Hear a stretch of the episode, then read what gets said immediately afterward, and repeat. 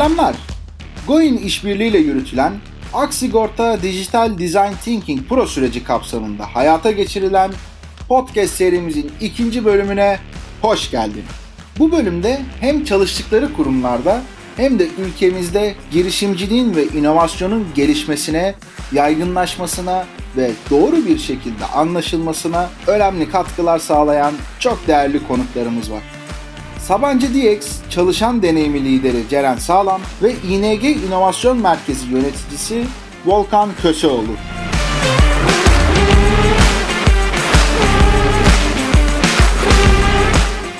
Şimdi tanışmak üzere sözü onlara bırakmadan önce altını çizmek istediğim bir konu var. Ceren de Volkan da inovasyon odaklı programların hem koordinasyon hem de katılımcı tarafında bulunan yani bu tarz süreçlerde farklı rolleri deneyimlemiş başarılı kurum içi girişimciler. Bu sayede olayları pek çok açıdan ve oldukça objektif olarak ele alıp yorumlayacakları için onları dikkatlice dinlemeni tavsiye ediyorum. Şimdi söz Ceren ve Volkan'da.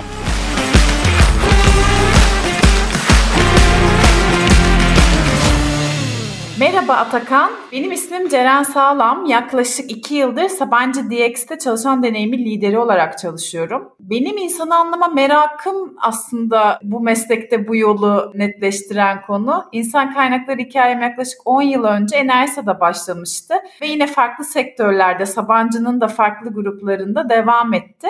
Çalışan deneyimini iyileştirmek, insanın potansiyelini ortaya çıkarmasına destek olmak ve aslında bir kültüre etki etmek sanırım benim tutkum. Bunu daha net anlıyorum. Sabancı DX'de tam olarak bir kültür dönüşüm hikayesi içerisindeyiz. Yeni neslin Sabancısı vizyonuyla da yeni nesil teknolojilerle birlikte veri analitiği, dijitalleşme, siber güvenlik gibi alanlarda aslında bütün topluluğa da kılavuzluk yapan, Türkiye'de farklı sektörlerde birçok firmanın dijitalleşmesine destek olan ve yönünü de globale çeviren bir yeni nesil teknoloji firması gibi düşünebilirsiniz.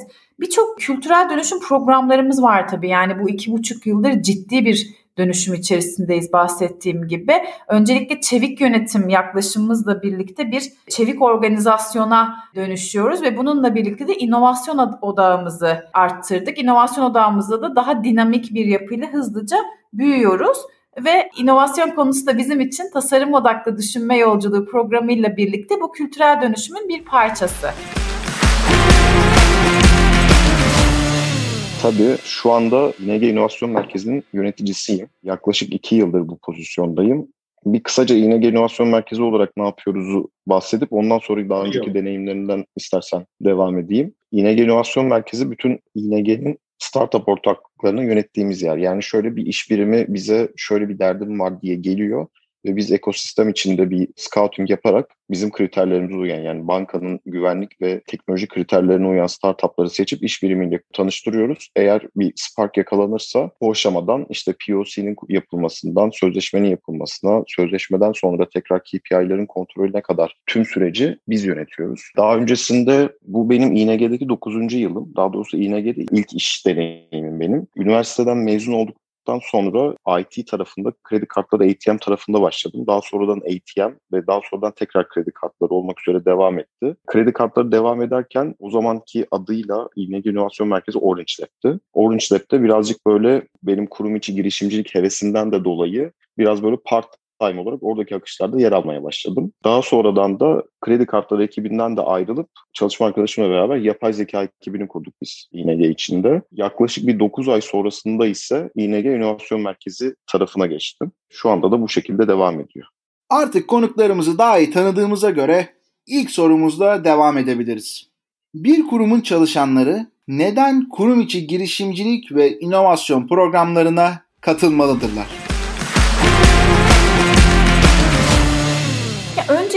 Çok kısa nedir bu inovasyon programı ondan bahsetmek istiyorum. Daha önce hiç katılmamış arkadaşlar için. Biz Eylül 2020'de bu programı hayata geçirdik ve şirket genelinde çalışanlarımızdan yeni fikirler topladık. Bu fikirlerin arasından da girişim fikirleri 5 tane fikir seçildi ve buna yönelik de inovasyon elçileri dediğimiz takımı oluşturmak için de gönüllülüğü esas ve kalben alarak inovasyon konusunda bilgi beceri seviyesinde ölçümler yaparak takım puanları ile 50 50 kişi arasından da 20 arkadaşımızı seçtik. Şimdi bu 20 inovasyon elçisi hali hazırda fikirler üzerinde çalışıyorlar ve ilk aşamada da yönetime sunumlarımızı yaptık. Her hafta düzenli olarak toplantıları var. Yaklaşık 16 hafta süren bir serüven aslında bu ve yatırımcı sunumları dediğimiz yönetime yapılan sunumlardan sonra da fikirler onay alınarak şu an prototip dediğimiz yani test bölümüne geçildi.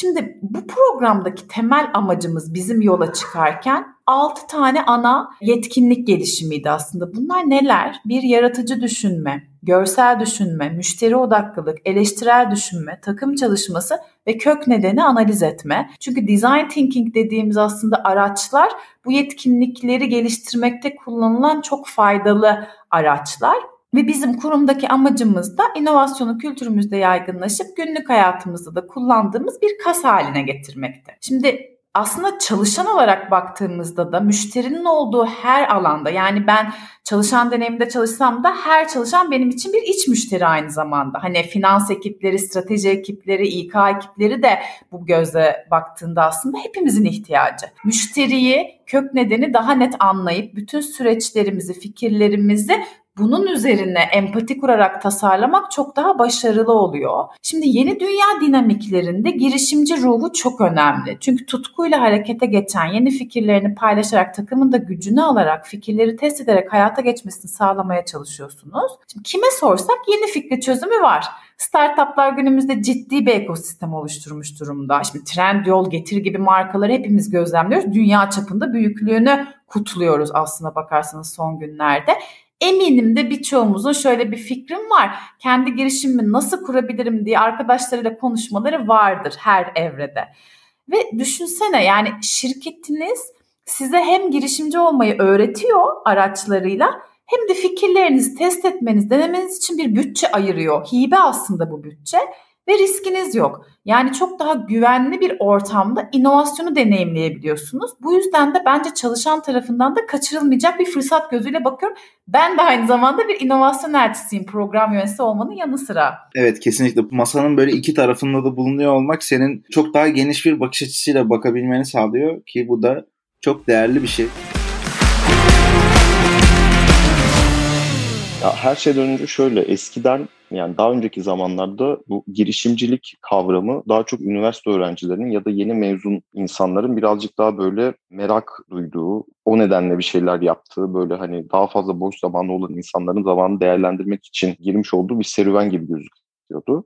Fakat artık benim gördüğüm şu, özellikle şu son 5-6 yıldır bu artık bayağı bildiğiniz herhangi bir bölümde çalışanın işte kaslarını geliştirmek için bazı sertifikasyon ihtiyaçları varsa girişimcilik de bu sertifikasyon ihtiyaçlarından bir tanesi oldu bence. Yani artık insanların her kurumda çalışan insanın bir şekilde girişimcilikle alakalı kasını geliştirmesi gerekiyor. Bunun en önemli çıktılarından birisi de bence şu. Bu dünyayı adım atarak yani herkes bulunduğu kurum içerisinde bir şekilde bir projenin içinde görev alıyor. Ama önemli olan şey şu bu projeyi yaparken müşterinin gerçek problemini görüp müşterinin problemine uyacak tam olarak fit eden çözümü geliştirebilmek. Bunu da bence zaten bütün çalışanlara sağlayabilecek olan şey kurumcu girişimcilik programları. Çünkü ancak gerçekten bir kurum içerisinde bir startup nasıl çalışıyor anladıkları zaman, o bakış açısıyla baktıkları zaman gerçek problemi doğru çözümlerle çözebilme yetileri gelişecek. Bu da zaten hem onlar için yani gelecekteki kariyerlerinde hem de bulundukları kurum için sayısız faydası olacak. Yani kendisi için belki daha sonradan kendi startup'ını kurabilir. Kurum içinde bunu nasıl yapacağını öğrenebileceği çok rahat bir ortam var. Ayrıyeten de bunun kuruma etkisi ise şöyle oluyor. Kurum gerçek problemleri çözerek çöp proje oranını azaltmış oluyor. Yani bu şekilde anlatabilirim özetle. İlk bölümde de bu konuya değindik ama bu tarz süreçlerde nedenleri anlamanın oldukça önemli olduğunu düşündüğümüz için bu alanda deneyimi olan kişilerin de tecrübelerini öğrenmek senin için çok değerli. Ceren o kadar önemli noktalara değindi ki inovasyon yetkinliği geliştirmek ve bunu günlük hayatımızda kullandığımız bir kas haline getirmek, müşteriyi, kök nedeni anlamak, yeni dünya dinamiklerinde girişimci ruhun önemi, startupların büyüyen ekosistemi ve bu süreçler sayesinde çalışanların çok daha güvenli bir ortamda inovasyon süreçlerini deneyimlemesi gibi fırsatların altını çizdi. Öte yandan Volkan da çok önemli bir noktaya dikkat çekti. Girişimcilik eskiden üniversite öğrencisi veya yeni mezunların girdiği bir serüven, bir macera gibi gözüküyordu. Ama artık tüm kurumlarda çalışanların girişimci kaslarını geliştirmesi gerekiyor. Gerçekten çok önemli. Ayrıca Ceren'le paralel olarak müşterinin gerçek ihtiyaçlarına en uygun çözümleri geliştirebilme yeteneğini kazandırabilecek yolun kurum içi girişimcilik programları olduğunu hatta belki de buradaki katılımcıların gelecekte bir gün kendi startuplarını kurabileceklerini ve bunun için gerekenleri de bu süreçlerde öğrenebileceklerini söyledi. Şimdi sözü yeniden Ceren ve Volkan'a devrediyorum. Tabii ki iki kurum içi girişimciyi bulmuşken kendi deneyim ve gözlemlerinde öğrenmek istedik ve şu soruyu sorduk. Kendi kurumunuzda yaşadığınız süreçlerden yola çıkarak kurum veya çalışanlar açısından dikkatinizi çeken çarpıcı bir değişim veya kazanımlara örnekler verebilir misiniz? Şöyle Atakan yani özellikle mesela benim takımımda da ürün ekibinden, yazılım ekibinden çok arkadaş var. Sabancı DX olarak bizim birçok yeni trend ürünlerimiz de var. Yeni bebeklerimiz diyelim ve ürün yazılım ekiplerimiz ciddi anlamda bu yeni ürünlerini tasarlarken programda da deneyimledikleri design thinking araçlarını çok etkin kullanmaya başlıyorlar. Aslında bunu günlük hayatlarındaki iş yapış tarzlarına da bakış açısı olarak dönüştürmüşler. Bunları gözlemlemek beni aşırı mutlu ediyor açıkçası. Aynı zamanda kendimden de örnek verebilirim. Yani biz şimdi biliyorsunuz hepimizin departman olarak işte yeni bir fikir, yeni bir süreç, yeni bir proje tasarımları oluyor. Hep birlikte takım olarak bir araya geldiğimizde de buradaki kullandığımız araçları o kadar günlük hayatta da kullanıp yönlendirebiliyoruz ki işte mesela bir süreç tasarlarken içeride ya bizim iç müşterimiz şu hedef kitle, şu çalışanlar bir onlara soralım, birebir görüşmeler yapalım. Bu konudaki problemleri ne, yaşadıkları neler, kök neden ne? O problemi doğru anlayıp da çözümü onun üzerine kurgulamak aslında çok daha başarılı olmasını sağlıyor ve çalışan deneyimini de iyileştiren süreçlere dönüştürüyor size. O yüzden gerçekten empati kurabilmeyi, o kök nedenini analiz edip çünkü insan psikolojisi, insan kendi duygularını, yaşadığı problemleri çok net anlatabilen bir varlık değil. Biraz kompleks bir varlık. Bu yüzden de biraz daha o cümleleri biraz daha derine inerek, kazarak gerçek problemde bambaşka bir şey olduğunu aslında çözümlüyorsunuz o görüşmelerde. Bambaşka bir probleme gidiyor çalışanlarda.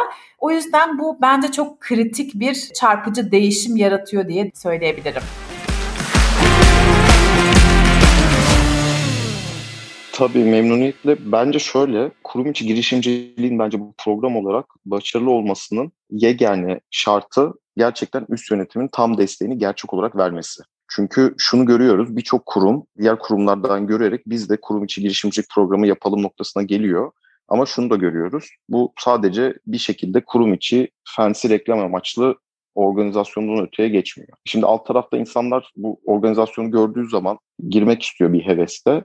Ama üst tarafta bu üst tar- yönetim tarafından gerçekten sahiplenmiyorsa ve desteklenmiyorsa bunun devamı gelmiyor. Kazanımlar dersek şöyle olabilir. Yani üst yönetim desteklediği zaman bu gerçekten kurum içerisinde bir kültür halinde oturmaya başlıyor ve insanların yani bir kurum içerisinde çalışan insanların normal proje yapışlarındaki tüm akışlar inovatif hale gelmiş oluyor. Yani bu kurum içi girişimcilik yarışmasından bu davranışın kurum kültürüne dönüşmesi konusunda gerçekten büyük bir etkisi var. Bunu söyleyebilirim. Benim kendi deneyimimden yola çıkarak bahsedeceklerim de şunlar olabilir. Benim katıldığım şöyleydi. ING içerisinde global tarafından yönetilen bir Innovation Bootcamp süreci var. Bu Innovation Bootcamp'e bütün ülkeler katılıyor ING ülkeleri olarak. Ve beklenen şu, belirli bir alanlar belirleniyor. Value Space dediğimiz. Bu alanlar içinde diyorlar ki işte inovatif fikirlerinizi bizimle paylaşın. Benim girdiğim yılda bir yaklaşık 3000 fikir post edilmişti. Ama bunu biz ING olarak gerçekten globalde çok profesyonel olarak yönetiyorduk. Bayağı bildiğiniz yatırımcı sunumuna çıkar gibi süreçlerden geçti. Bir 6 aylık bir süreç oluyordu bu. İşte ilk önce belirli bir eleme yapılıyor. 3000'den 100 fikre düşürülüyor. Bu tamamen kağıt üzerinde yapılan bir eleme oluyor. Fikirlerin description'ına ya da dokunduğu alana göre. Daha sonradan size belli ödevler veriliyor. Bu ödevlerde bayağı bildiğiniz kendi startup'ınızı kurmuş gibi çalışmaya başlıyorsunuz. İşte problem nedir? Bu problemi nasıl valide edersin? İşte valide ettin. İşte şu KPI'lerle valide ettin. Burada tam KPI ölçümüne de bu şekilde gelebiliriz. Yani aşama aşama bir problem net olarak belirlendiği zaman işte atıyorum müşterilerin %80'i kredi kartıyla harcama yapar. Önermesinden gelip bunu bir probleme çevirirsek mesela müşterilerin %80'i kredi kartıyla harcama yapar ama bunun %80'in %60'ı kredi kartı bilgilerini girmekten mutsuz. Bunu bir problem olarak belirleyebiliriz. Şimdi bunun validasyonunu yaptığımız zaman ortaya çıkan oran şunu görüyorsak mesela sonunda biz eğer %50 görmüşsek bu istemeyen oranını demek ki biz yanlış bir probleme değinmişiz. Böyle bir problem yok. Bu şekilde KPI'ni ölçmüş olduk. Bu süreci tekrar işte daha sonrasında işte elimizdeki solutionlar üzerinde de değerlendirerek, daha sonradan market fit aşamasında da değerlendirerek devam ettirdiğimiz zaman zaten KPI'lerin otomatik olarak ölçmüş oluyoruz. Yine aynı noktaya değineceğim. Hem kurum kültürüne dönüşmesi açısından kurum kültürüne dönüştükten sonra da kurum üzerinde çöp projenin azaltılması açısından çok önemli. Çünkü şu da görülüyor kurumlarda. Herkes bir sürü proje yapıyor. Üst yönetime inanılmaz vaatlerle bu proje şöyle satacak, böyle geliri olacak diye getiriyor ve bunların çoğunun aslında getirmediğini görüyoruz. Artık IT kaynağı da zaten çok pahalı bir kaynak. Dolayısıyla işlerin artık IT kaynağına gitmeden önce belirli validasyonlarının yapılarak evet emin olunduktan sonra biz bunu bu şekilde yaptığımız zaman, develop ettiğimiz zaman, pazara çıktığımızda şu şekilde bir kazanım elde edeceğimizi garantilediğimiz zaman artık kurumların da zaten bu sıkışık dönemde hareket etme oyun alanları birazcık daha rahatlamış oluyor. Bu şekilde devam edebilir sanırım. Bu soruyu ek olarak senin bireysel olarak bu noktada ben bu sürece girdiğimde bunları şöyle yapıyordum bu süreçlerdeki edindiğim deneyim ve kazanımlar sonucunda da artık bu şekilde yapıyorum. Dediğim bir değişim var mı? Ya evet var. Çünkü yine aslında daha önceden belirttiğim noktayı refer edeceğim. Daha önceden ben de dinlerken mesela şöyle bir fikrim var dediğimde aa çok güzel fikirmiş falan derdim. Çünkü arka tarafındaki işleyişi gerçekten bir fikrin başarılı olması için ne gibi bir şartlar gerekiyor bilmiyordum. Ama artık şunu görüyorum yani birisi bana bir fikrim var diye geldiği zaman ben direkt ona bunun arkasındaki problem ne ve sen bunu gerçekten valide ettin mi diye soruyorum. Yani evet okey muhteşem bir fikir olabilir ama benim fikrim muhteşem olduğuna inanmam için gerçekten senin gerçek bir problemden yola çıktığını bana ispatlaman gerek. Kurum içinde de ben bunu gördüm zaten. Hani daha önceden birçok üst yönetime giden proje vardı ama ben mesela bu problemlerle beraber üst yönetime gittiğim zaman şunu çok net gördüm. Bizim o zamanki istiyorumuz Pınar Hanım gerçekten beni elimden tutup bütün ilgili ekiplere kendisi götürdü. Yani bu şekilde bir destek verdi. Gerçekten bu proje olacak inovatif süreçlerle geliştirildiği onlara gösterdiğiniz zaman karşı taraftan gelen destek de zaten inanılmaz büyük oluyor. Çünkü yani onların istediği de zaman kaybetmeden doğru projelere gitmek. E, bunu da daha sonradan bütün kuruma yaymaları için kendi taraflarında bir ev ödevi ediniyorlar. Neler yapabiliriz diye. Anladım. Valla harika örnek oldu. Teşekkür ederim. Burada aslında biraz yumurta tavuk döngüsü de var. Bazen yürüttüğümüz süreçlerde şeyi duyuyoruz. Yani yöneticim beni yeteri kadar desteklemiyor. Yönetici de gelip diyor ki ya bu ekibimizdeki işte şu arkadaşlarımız da yeteri kadar projeleri işte valide edemiyor veya daha böyle bir aşamasına getiremiyor gibi bir durum var. Aslında orada tam da senin söylediğin örnek buna gerçekten çok güzel referans oluyor. Yani sen orada bazı şeyleri gerçekten yaptığını ve bunun nereye gidebilecek olduğunu net bir şekilde doğrulayıp kişilerin, yöneticilerin önlerine sunabilirsen tabii ki bunun istisnai aksi örnekleri vardır ama çoğu yönetici de bu işin bir an önce ilerleyip başarılı bir şekilde çözüme kavuşmasını isteyeceği için o da aynı şekilde destekleyecektir. Yani aslında çok basit bir döngüsü var işin. Evet oradaki kilit konu da kusura bakmak istiyorum. Evet, oradaki kilit konu da bence şu bir fikri anlatırken karşınızdaki insan gerçekten o konuyla alakalı çok bilgi sahibi olmayabilir. Ama ona bir sayısal ölçümleme mekanizması oturtturabilirsen karşı taraftaki kişi o işin olup olmayacağını anlayabilir. Yani dolayısıyla orada o yüzden ölçümleme ve KPI geliştirdiğiniz fikirde ve yaptığınız validasyonlarda çok önemli bence. Yine çok değerli yorumlar. Buradaki kazanımların kök nedenlere ve problemlere inebilme yetkinliği kazandırdığı için günlük iş yapış biçimlerine çok pozitif yönde yansıdığı ve yöneticilerin desteğinin de bu konuda çok önemli olduğu, onların desteği olunca bu yaklaşımın kurumda bir kültür olarak oturduğu gibi çok haklı paylaşımlarda bulundular. Ki birinci bölümde Uğur Bey ve Esra Hanım'la yaptığımız sohbette bu konuda Aksigorta ailesinin ne kadar şanslı olduğunu da gördüm. Bir de Volkan'ın çok güzel bir örneği oldu. Eskiden aa çok güzel fikirmiş diyordum. Ama artık problemden yola çıkılması gerektiği konusunda bir hassasiyetim var ve daha başka bir şekilde yaklaşıyorum dedi. Gerçekten çok kıymetli bir değişim. Belki bu noktada aklına şu soru geliyor olabilir. Gerçekten her şey bu kadar güzel ve iyi mi? Elbette işin başka tarafları da var. Bu sebeple konuklarımıza kurum içi girişimci adayları ne gibi zorluklara hazırlıklı olmalı ve bu zorlukları nasıl aşmalılar diye sorduk. Allah seve seve. Çok da böyle açık ve şeffaf bir şekilde anlatmak isterim. Çünkü uzun ve emek isteyen bir yolculuk. İlk başlığın iş yoğunluğu olur Atakan. Çünkü eminim hani birçok sektörde de şimdi uzaktan çalışmayla birlikte online toplantılar, paralelde iş yapmaya çalışmak ciddi bir yoğunluğu arttırdı kurumsal hayatta. Hangi arkadaşımla konuşsam aynı şeyi söylüyor ve şirketler de buna bir sistematik yaklaşımla çözüm bulmaya çalışıyorlar bu dönemde. O yüzden katılım konusunda zorluklar yaşanılabiliyor. Takımdan ayrılanlar olabiliyor bu dönem içerisinde ve ciddi bir emek ve zaman isteyen bir enerji istiyor bu program. Bunu çok iyi düşünmek gerekiyor.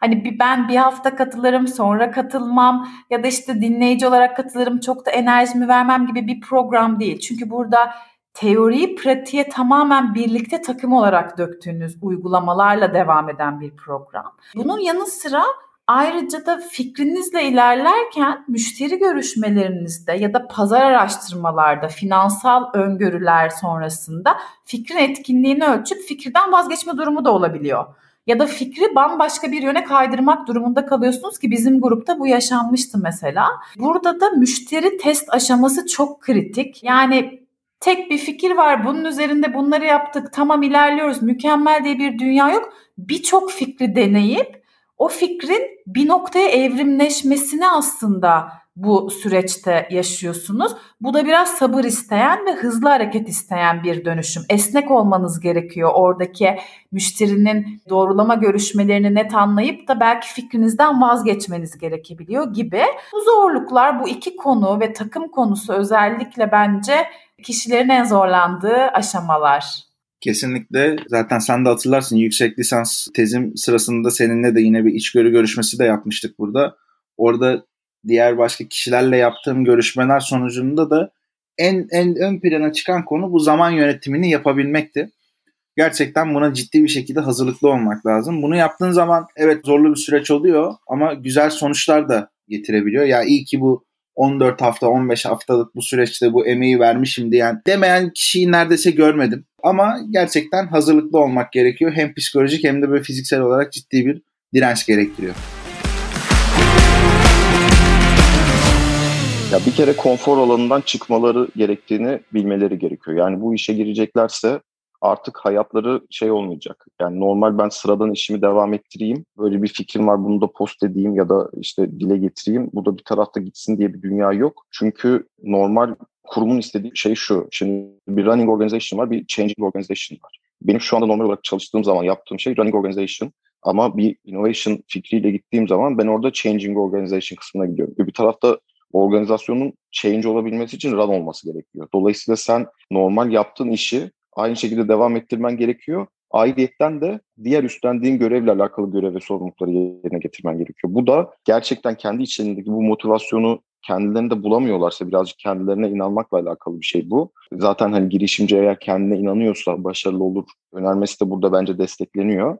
Yani gece sabahlara kadar normal bu geliştirdiği fikrin işte validasyonu, gerekli olan çalışmalarını, market research'lerini falan filan yapabilecek enerjiyi kendilerinde görmeleri gerekiyor. Ya zaten bu artık şey olmuyor. Hani bir startup'a da baktığınız zaman herhangi bir startup ilk kurulduğu zaman 500 kişiyle başlamıyor yani. Üç kişi dediğimiz gibi birden fazla şapka bürünüp o alanlarda çalışma yapıyor. E bu da zaten bu işin hani lean startup'ın doğasında olan bir şey buna hazır olmaları gerekiyor ve ayrıyetten çok fazla reddedilmeye de hazır olmaları gerekiyor. Yani evet onların akıllarında fikirler çok güzel olabilir. Fikirlerine aşık olmamaları gerekiyor. Yani siz gerçekten o konuyla alakalı eksper birine gittiğiniz zaman benim böyle böyle bir fikrim var dediğinizde şurası yanlış bu olmaz cümlesini duyduğunuz zaman down olmamanız gerekiyor. Orada pivot etmenin ne demek olduğunu ve nasıl pivot edilerek bu işin devam ettirilebilmesi gerektiğini kendi kendinize artık böyle bir değerlendirebiliyor olmanız gerekiyor. En zorlu aşamaları bence bunlar. Bu konuda en az neden katılmalıyız kadar önemliydi. Her zaman zorluklar net bir şekilde bilinmeli ve bunlara mümkün olduğunca hazır olunmalı. Peki toparlamak gerekirse nelere dikkat çekildi? İş yoğunluğu, kurum içi girişimcilik süreçlerindeki ciddi devamlılık ve emek gerekliliği, takım olarak çalışabilmek ve konfor alanının dışına çıkmak gibi konulara değinildi. Ayrıca fikre değil probleme aşık olunması ve gerekirse de pivot etmeye hazır olunması gerektiği söylendi ki bu yaklaşımı süreç boyunca bizlerden defalarca kez duyacak olduğunuzu da daha önce söylemiştik. Ayrıca şu konu kesinlikle unutulmamalı. Böyle büyük ölçekli kurumsal firmalarda sahip olunan imkanlar ile küçük ölçekli bir girişim takımının imkanları bambaşka. O yüzden böyle küçük ölçekli girişim takımlarında özellikle başlangıç aşamalarında ekibin bütün üyeleri ister istemez birden fazla işle ilgilenmek zorunda kalıyorlar. Bu işin doğasında var. Bir de kurum içi girişimciler için tüm bunların yanına mevcut işlerde eklenince evet gerçekten çok zor. Yani hem kazanım ve gelişim fırsatlarının hem de işin zorluklarının net bir şekilde farkında olmak bu sürece başvururken çok önemli.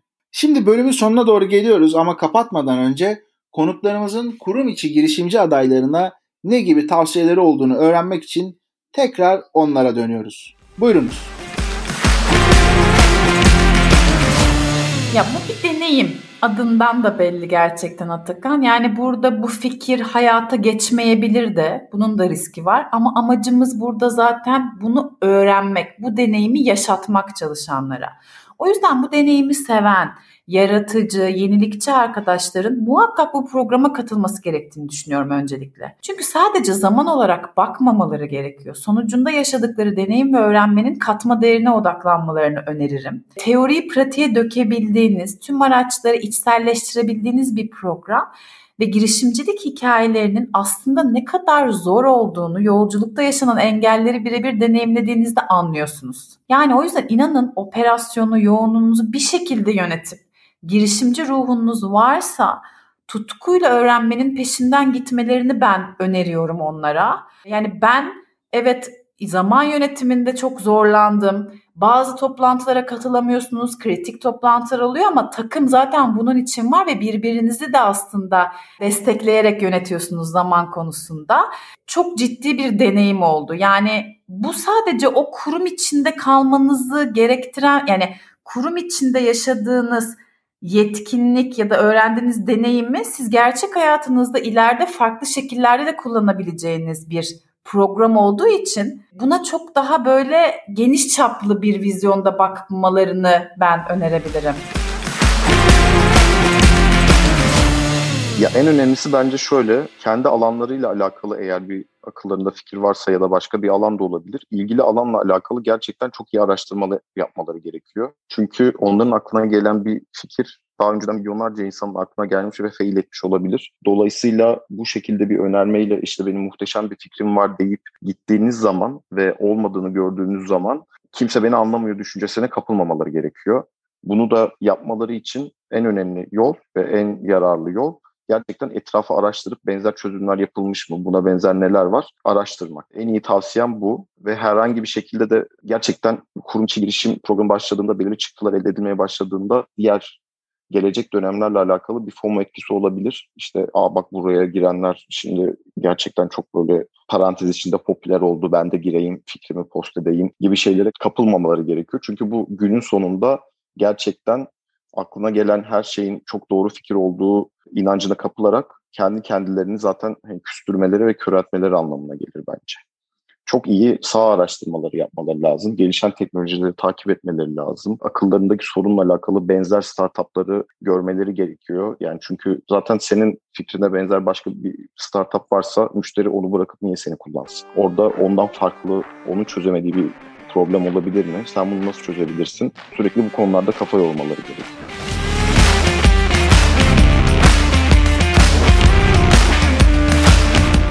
Evet, kapanışa doğru giderken bu son tavsiyeleri de kısaca toparlamak gerekirse Ceren dedi ki bu bir deneyim.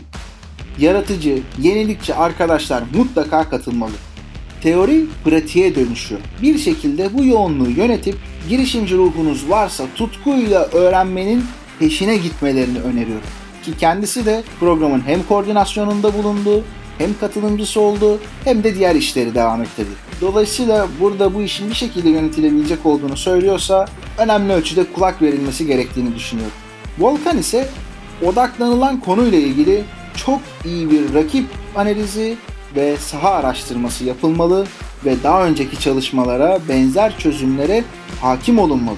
FOMO'yla yani birileri başvuruyor ben de başvurayım bu programı kaçırmamalıyım diye bir heyecanla hareket edilmemeli. Bu zorlukların da gerçekten farkında olunmalı ve eğer bu programa da başvuruluyorsa teknoloji gelişmeleri yakından sıkı bir şekilde takip edilmeli gibi konuların altını çizdi. Ben de son olarak şunları söylemek istiyorum. Evet bu süreç çok zorlu. Ama pek çok defa deneyimledim ki bir o kadar da keyifli ve öğretici. Beklediğinden fazlasını bulacağından hiçbir şüphen olmasın. Ve lütfen şunu unutma. Bu zorlu yolculukta seninle beraber çalışıp sana destek olmak için elimizden ne geliyorsa yapmaya hazırız. Sen yeter ki iste. Kapatırken sevgili Ceren'e ve Volkan'a değerli vakitlerinden ayırıp buradaki deneyimlerini paylaştıkları için tekrar tekrar çok teşekkür ediyorum.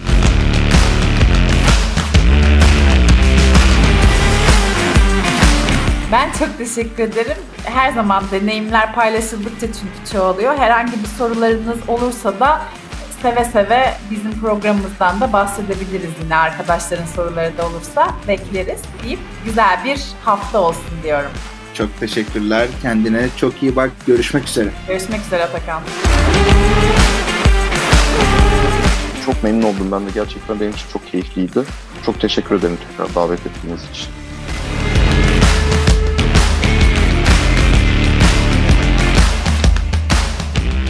Eğer bu sohbete rağmen halen daha kanala abone olmadıysan sen bilirsin. Ama en azından bizimle paylaşımda olmanı ve görüşlerini belirtmeni çok isteriz.